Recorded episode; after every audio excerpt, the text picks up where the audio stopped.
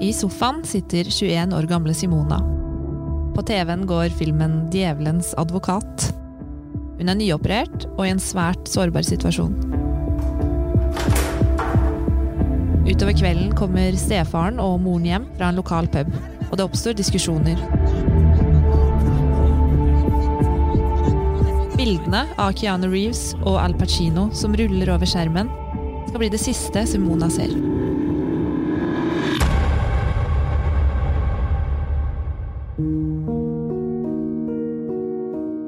Vi heter Kristin Engløkken og Christian Bolstad, og du hører på en podkast fra Fredrikstad Blad om dobbeltdrapet i Borge.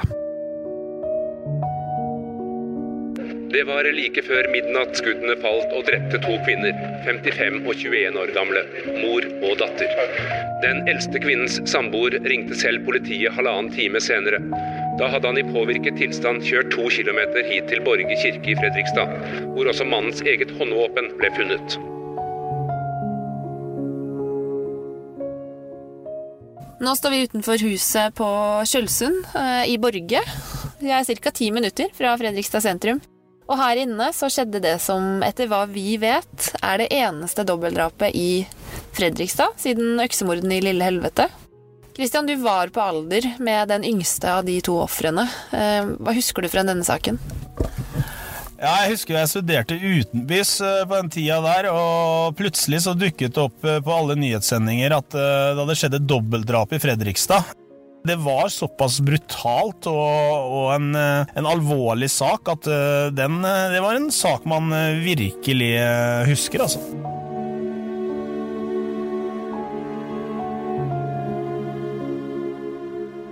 Da sitter vi hos Henriette. Du var en eh, god venninne av Simona. Hadde kjente henne i veldig mange år.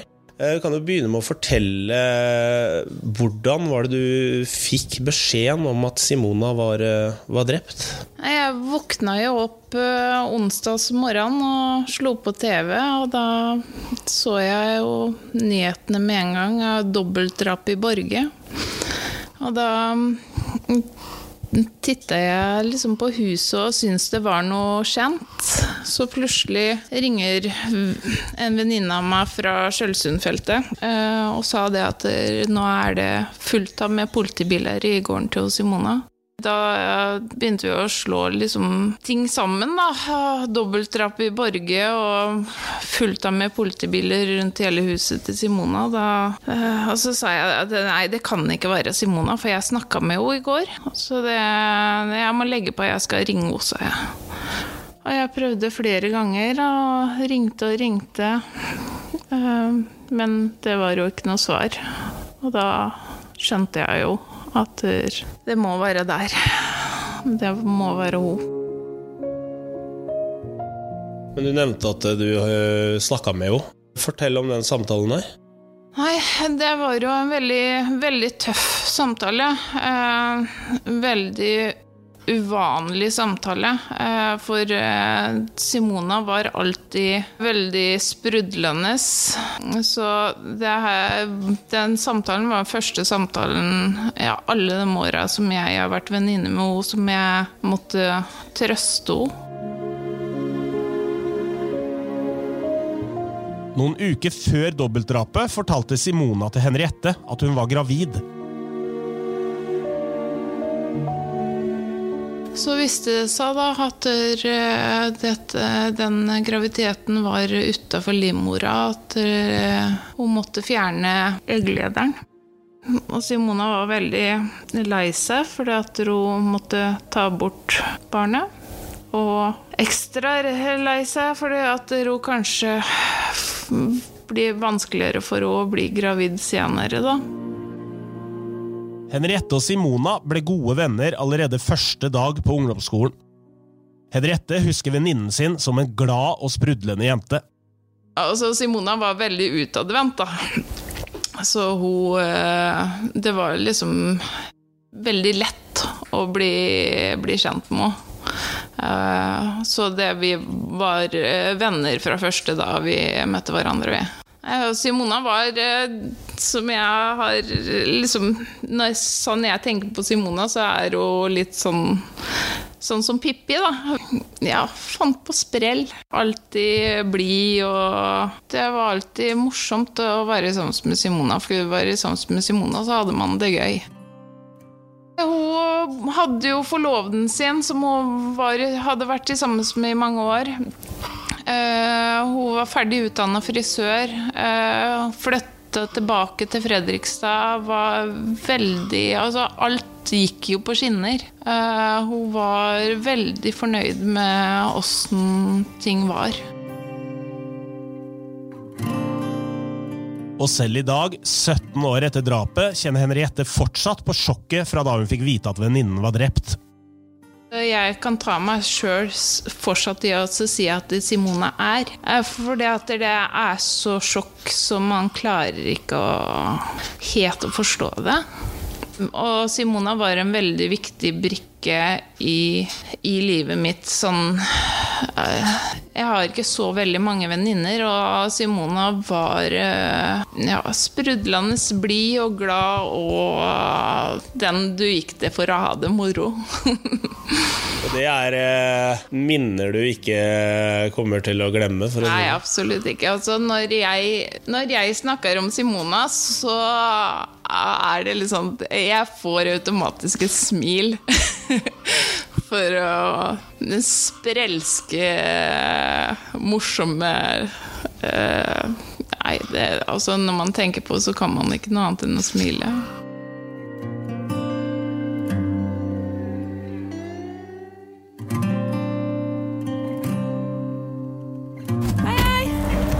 Hei sann. Hei. Bård Kjølsund. Kristin, hyggelig. Hei, Bård Kjølsund. Hyggelig at du ville treffe oss. Jo, bare hyggelig. Dette er Bård Kjølsund. Han var broren og sønnen til de to som ble skutt og drept en sen novemberkveld for 17 år siden. Han har fortsatt sterke minner om det som skjedde. Hva slags eh, person vil du si hun var, søstera di? Hun var sprudlende, men hun, hun var ikke redd for å si ifra. Det var hun ikke. Så var hun, var du ikke noe ålreit, så, så fikk du et av det, altså. La ikke noe imellom der. Det gjorde du ikke. 29.11.2005 var Simona på sykehuset for å utføre et medisinsk inngrep. Forutsetningene for at hun kunne skrives ut fra sykehuset denne dagen, var at hun hadde noen til å passe på seg ettersom samboeren hennes ikke var hjemme. Jeg snakka jo med både mamma og Simona på formiddagen. Og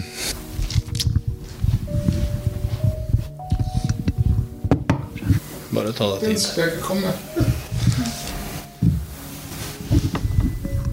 Så vi snakka en kort samtale da sånn nå, og det siste Simona sa til meg på telefon, det var 'jeg er Mm. Og det er godt å vite. Samtidig var Simonas stefar på farten gjennom store deler av dagen. I ettertid har det bl.a. kommet frem at han hadde besøkt en byggeplass og drukket alkohol der, før han dro videre og drakk øl på en lokal pizzapub. Og så ble det da kjøpt med en pizza hjem. Og da, det var jeg forstått, så, så hadde det visst vært noe klag på at den pizzaen ikke var liksom helt av den riktige typen eller noe sånt. Men altså. Og hvor han påstår da at han følte at ingenting var bra nok og noe sånt. Når eh, Simonas stefar og mamma kommer hjem, sitter Simona i en stol i stua. Hun har en dyne over seg og er naturlig nok svært preget av å ha gjennomført en ufrivillig abort.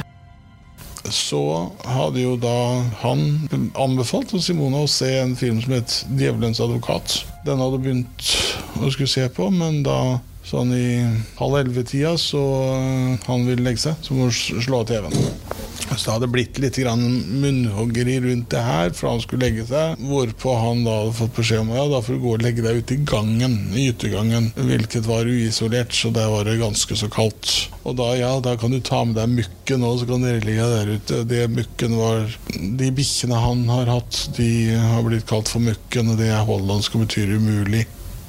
Og nettopp det, at samboeren ber ham legge seg i gangen, og at Simona følger opp med at han kan ta med seg hunden, får begeret til å renne over for stefaren. Han griper en ladd revolver, en Colt 38, fra toppen av et vitrineskap, og retter det mot Simona. Det siste hun hører, er at stefaren sier 'nå er det slutt'. Hadde lagra våpen sånn at det første kammeret alltid var tomt. Det er en vanlig sikkerhetsmessig måte å lagre våpen på. Og dette kunne jeg se. Ansiktsuttrykka kunne jeg se når jeg så det i kista. Med et veldig spørsmålstegn i hele ansiktet til søsteren. Fordi hun opplevde klikket. Og så var det neste. Det var et skudd som gikk rett i hjertet. Og det neste rett i hodet. Fra naborommet har Inger-Lise hørt to skudd og kommer løpende. Mamma er på vei innover i et forferdelig skrik. Hun opplever selvfølgelig å se at sin datter blir skutt og drept. Hvor han vrir seg, skyter mamma i overkroppen. Det skuddet det går igjennom skrått fra ja, Det streifer, og overarmen hennes går igjennom kroppen, ned i nedre del. Gjennom der. Gjennom ei dør og rikosjerer i eh, dørkarmen. Og av den krafta så blir hun kasta bakover og får et skudd til i hodet.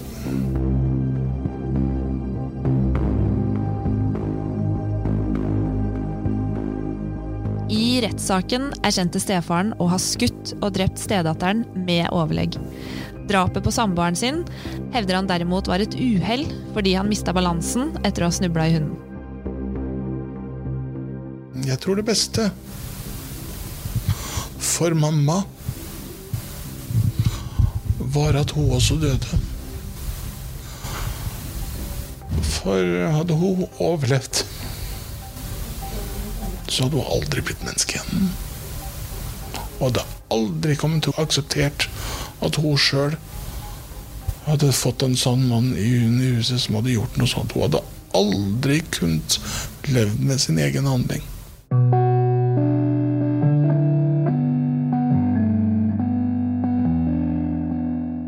Ja, Jon eh, Jacobsen, du var jo en av de eh, første til å dekke denne saken for, eh, for Fredrikstad Blad. Hva er det du husker mest fra, fra den saken her? Husker vel egentlig ganske detaljert fortsatt. Vi kjørte ut i Borge ganske tidlig den onsdag morgenen vi hadde fått beskjeden. Litt usikker på om det egentlig var en pressemelding fra politiet, eller om vi hadde fått tips. Men men allerede da vi dro ut der, visste vi at dette var svært alvorlig, i form av at det var to drap som hadde skjedd.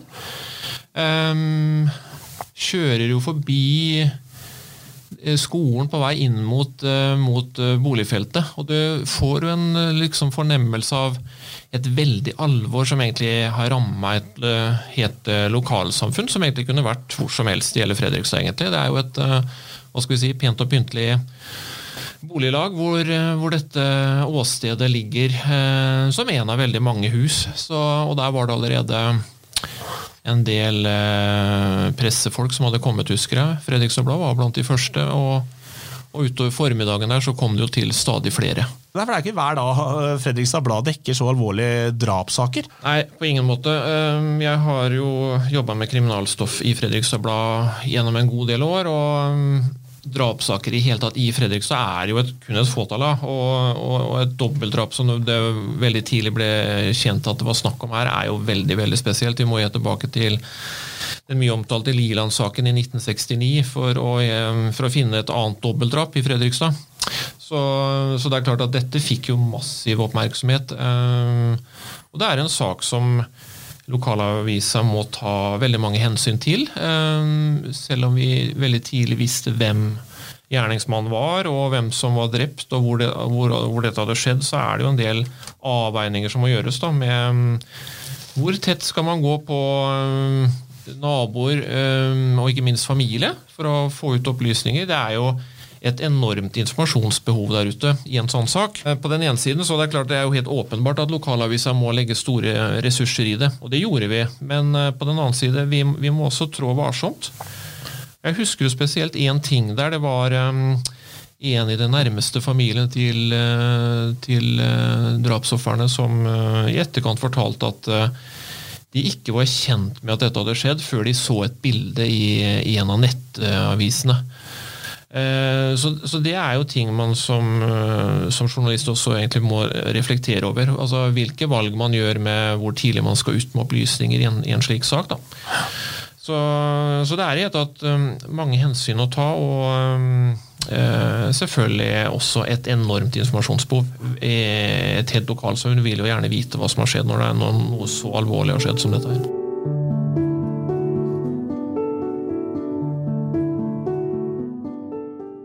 Er hjemme hos Rakel Stordal. Hun var i flere år en nær venninne av Simona. Vi var en venninnegjeng eh, på tre jenter eh, som gikk i samme klasse. Eh, og så husker jeg ikke hvordan måte, hun plutselig kom inn i livet vårt, egentlig. Men plutselig så var hun en del av oss. Gjorde mye sprell og eh, kosa oss. Hun var veldig snill. Utrolig snill og modig og litt rar. Det var hun jo. Det gjorde liksom ikke noe, vi hadde det bare fint. Var ofte nede hos henne, for der kunne vi jo sitte på rommet og, og røyke. og det fikk vi ikke lov til å gjøre noe annet sted, for vi var jo ikke gamle nok til å få lov til det. Og da eh, stjal vi sånn vinnertipp av Inger-Lise. Vi trodde vel at hun ikke merka at vi hadde røyka der oppe. Vi hadde jo bare vinduet oppe, så når hun kom inn, så hun sa liksom ikke noe. Men hun kom i hvert fall opp med gløgg og pepperkaker, og var veldig sjenerøs med å gi oss uh, ting mens vi var der oppe på rommet. Og vi hørte på musikk, og vi var der i mange timer. For Rakel ble det idylliske boligfeltet hun hadde vokst opp i, ødelagt for mange år fremover. Det var ikke noe godt med Sjølsund i det hele tatt. Det var eh, et sted hvor på en måte det grusomme skjedde. Hele eh, feltet, Sjølsundfeltet, ble svartmalt, liksom. Det ble bare helt svart. Det var eh, Notveien var grusomt, hvor jeg sjøl vokste opp i samme gata som henne og hadde det utrolig fint. Mange av Simonas nærmeste var klar over hennes turbulente forhold til stefaren. Venninnen Rakel forteller bl.a. om en hendelse som skal ha skjedd flere år før drapene. Uh, hun fortalte også ved en anledning at han hadde dytta henne ned trappa. Og hun hadde fortalt barnevernet om det, men ingenting hadde skjedd. Så jeg vet ikke om hun på en måte følte seg hørt, eller Jeg, jeg veit ikke. I dag bor Rakel bare 100 meter fra huset der Simona og Inger-Lise ble skutt og drept. Nå er jo alle minnene tilbake igjen, og det er de gode minnene som har kommet tilbake. Går forbi huset hennes hver dag og, og ser opp i annen etasje, Øh, vinduet til høyre, øh, der vi satt jentene da i mangfoldige timer.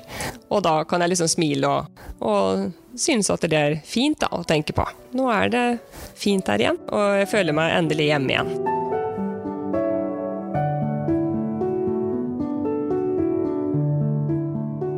Ja, Kristian, i, i, arbeidet med den podkasten her så har vi lest veldig mange ulike artikler, men vi har også lest uh, dommene. Og vi må vel si at det har vært interessant lesning? Ja, det har vært veldig interessant. Uh, det er jo en, uh, en kar her som er dømt for nærmest å ha henrettet to av sine nærmeste, sin stedatter og sin samboer, gjennom seks år. Og det som er liksom skremmende da, når du leser dommen, det er jo bakgrunnen her. Det er jo, det er jo en bagatell. Altså, det her skjer jo i tusen hjem hver eneste dag. Sånne, sånne konflikter som det her en 21-åring eh, som ikke er i, i, kjempehumør, men det hadde jo hun all grunn til etter å ha vært på sykehuset noen timer i forveien. og Så kommer stefar og, og, mor hjem, og så, og så, ender det da med at han, han skyter henne fordi hun er eh, kanskje litt rapp i munnen, eh, og så skyter han sin samboer etterpå. Det er, det er sånne saker man ikke, man ikke leser om veldig ofte. Og så får han straffereduksjon. Hvorfor det? Han fikk straffereduksjon i eh, lagmannsretten, og det er eh, rett og slett fordi lagmannsretten mente at eh, Jeg tror, hvis ikke jeg tar helt feil, at aktor, eller påtalemyndigheten, hadde lagt seg for høyt. Og de sammenligner jo veldig ofte med, med sammenlignbare saker. Da. Og i denne saken så mener de, etter å ha sammenligna med andre saker, at ofrene da er påført mindre lidelser Eh, det vil si at de døde momentant. Det gjorde de i den saken her. Og I andre saker de har sammenligna med, så, så, tok det lengre tid. Det var større lidelser i forbindelse med dødsfallet. Så det er grunnen til at han, eh, han fikk et par års straffereduksjon i lagmannsretten.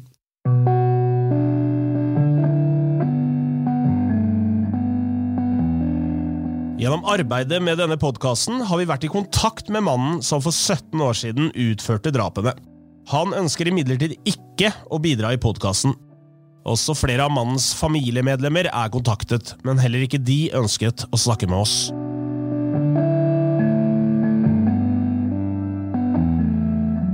Denne podkasten er laget av Kristin Engløkken og Christian Bolstad for Fredrikstad Blad. Klipp og redigering er gjort av Erik Øysæd. Musikken du har hørt, er fra Epidemic Soul. Nyhetsinnslaget du hørte tidlig i podkasten, er hentet fra NRK.